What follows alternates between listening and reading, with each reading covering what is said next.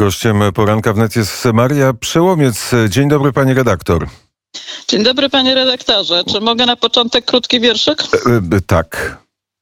Zachęcam do zrzutki na szlachetne cele, wszak uczciwych mediów nie mamy zbyt wiele to tak pod wpływem Republiki Latina. Bardzo gracias, bardzo serdecznie dziękuję, ale, ale to na początek gratulacje. 15 lat prowadzisz studio Wschód w TVP Info. To jest najdłużej utrzymujący się program publicystyczny. 15 lat opowieści o tym, co dzieje się za naszą wschodnią granicą. To jest, to jest coś. No to jest coś, ale to zawdzięczam właściwie tak, po pierwsze widzom, którzy chętnie ciągle oglądają Studia Wschód, po drugie, no nie da się ukryć do pewnego stopnia Władimirowi Putinowi, który bardzo dba o to i bardzo się stara, żeby nie zabrakło nam tematów. I tych tematów nam e, nie brakuje, choćby w dzisiejszym poranku. W jaki sposób i jak media rosyjskie nastrajają e, Rosjan do tego wszystkiego, co dzieje się na świecie?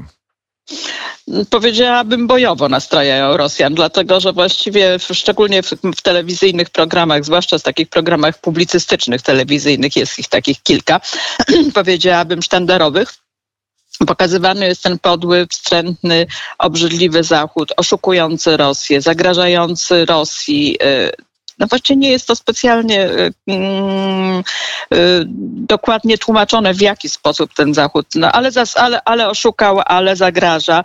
A oprócz tego jest naturalnie faszystowska y, Ukraina. Zachód jest zepsuty do szpiku kości i jest ta biedna, szlachetna, broniąca się przed wszystkimi Rosja, y, jedyny obrońca wartości konserwatywnych i moralnych i walcząca z otaczającym ją dookoła faszyzmem. Chodzi głównie oczywiście o faszyzm ukraiński i krwawych banderowców szykujących się na, do podrzynania gardeł Moskanom.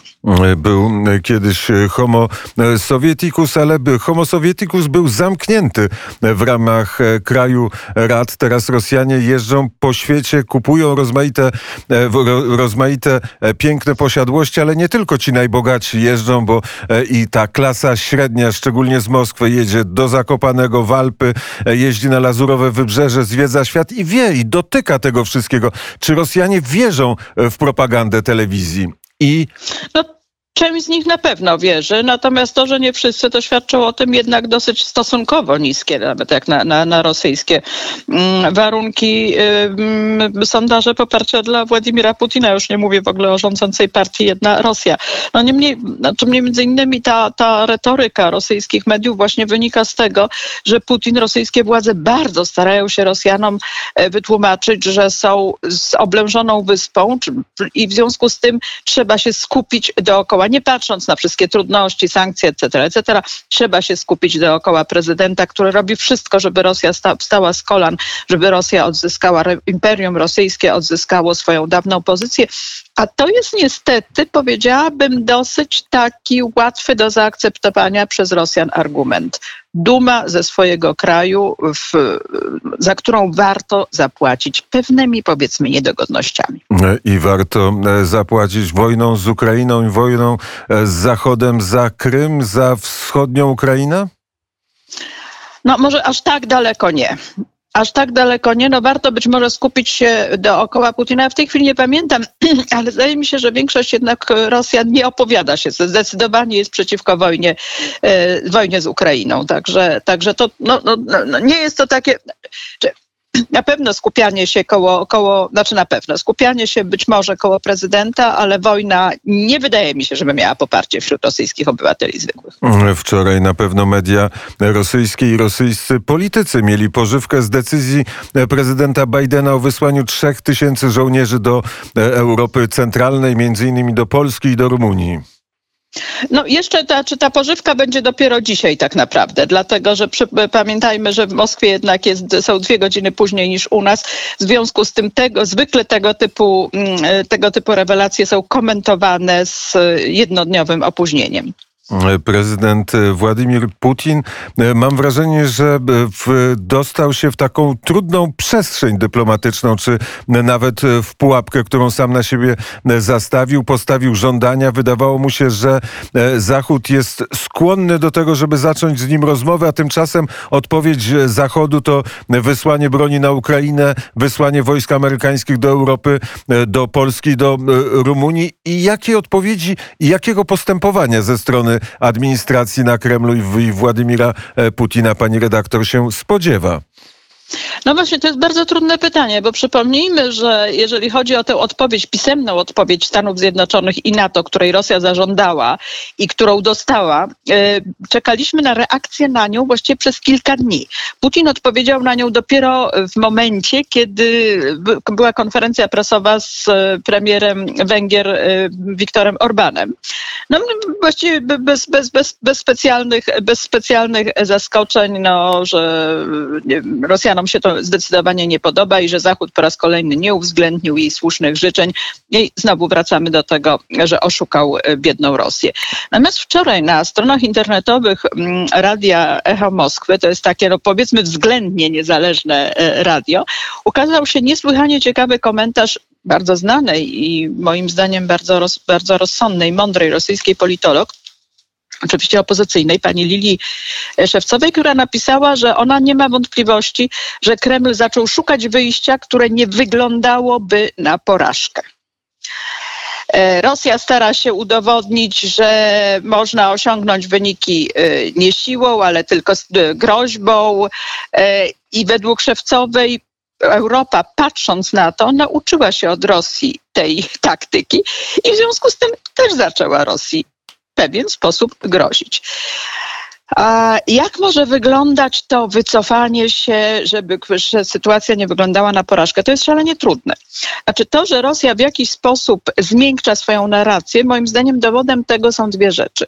Po pierwsze to, że Gazprom zaczął dosyć uprzejmie odpowiadać na pytania e, Komisji Europejskiej, a poza tym zwiększył swoje dostawy przez Ukrainę i co więcej, co prawda tylko na jeden dzień, e, zarezerwował moce przepustowe gazociągu jamalskiego. Po drugie, e, to, że Rosjanie teraz, znaczy nie wiem, czy to zostało zrobione, bo minister Ławrow to zapowiedział, pisał o tym e, dziennik Komersant, że Rosja postanowiła w tej chwili poskarżyć się na te podłe zachowanie Zachodu. To znowu e, wracam do tego, że prawda, Zachód nie dotrzymał umów, że miał nie rozmieszczać sił NATO w, na wschodniej flance, a rozmieszcza Ukrainę, etc.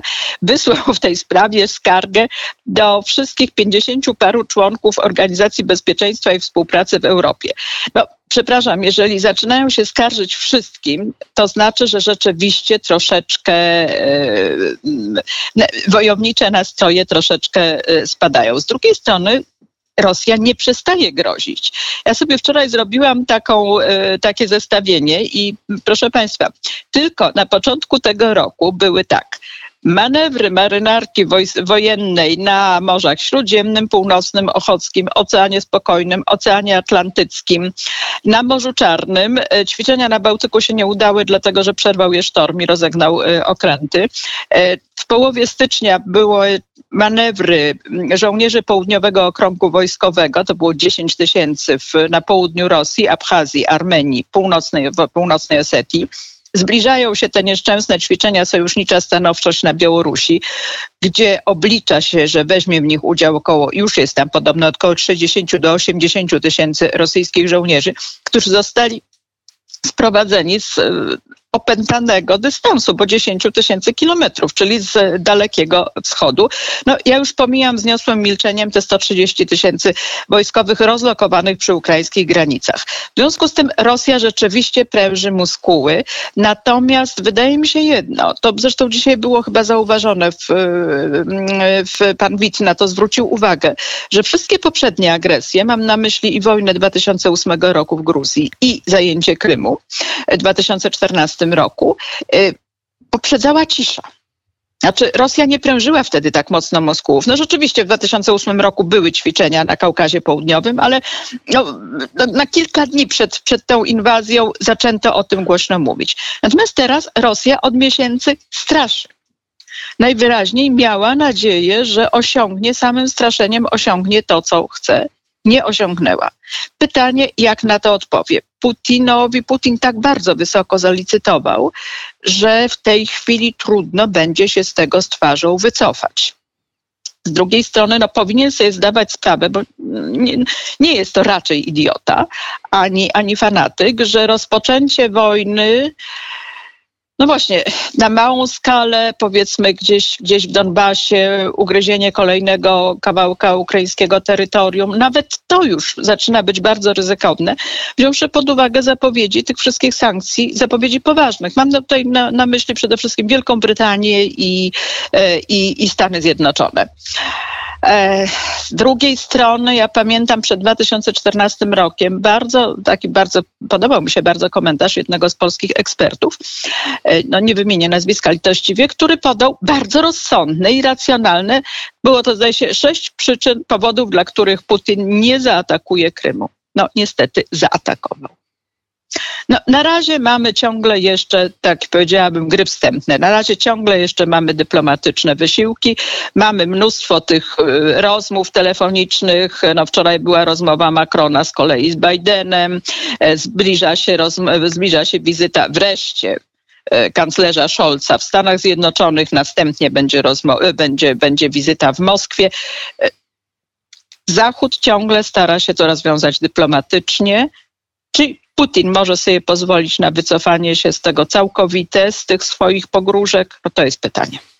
I e, też osie dziwne powstają, to znaczy właściwie nie dziwne, tylko takie stare osie powstają w Europie. Myślę teraz e, Kijów, Warszawa, e, Londyn, ale też widać rozmaite sprzeczne interesy między państwami Unii Europejskiej.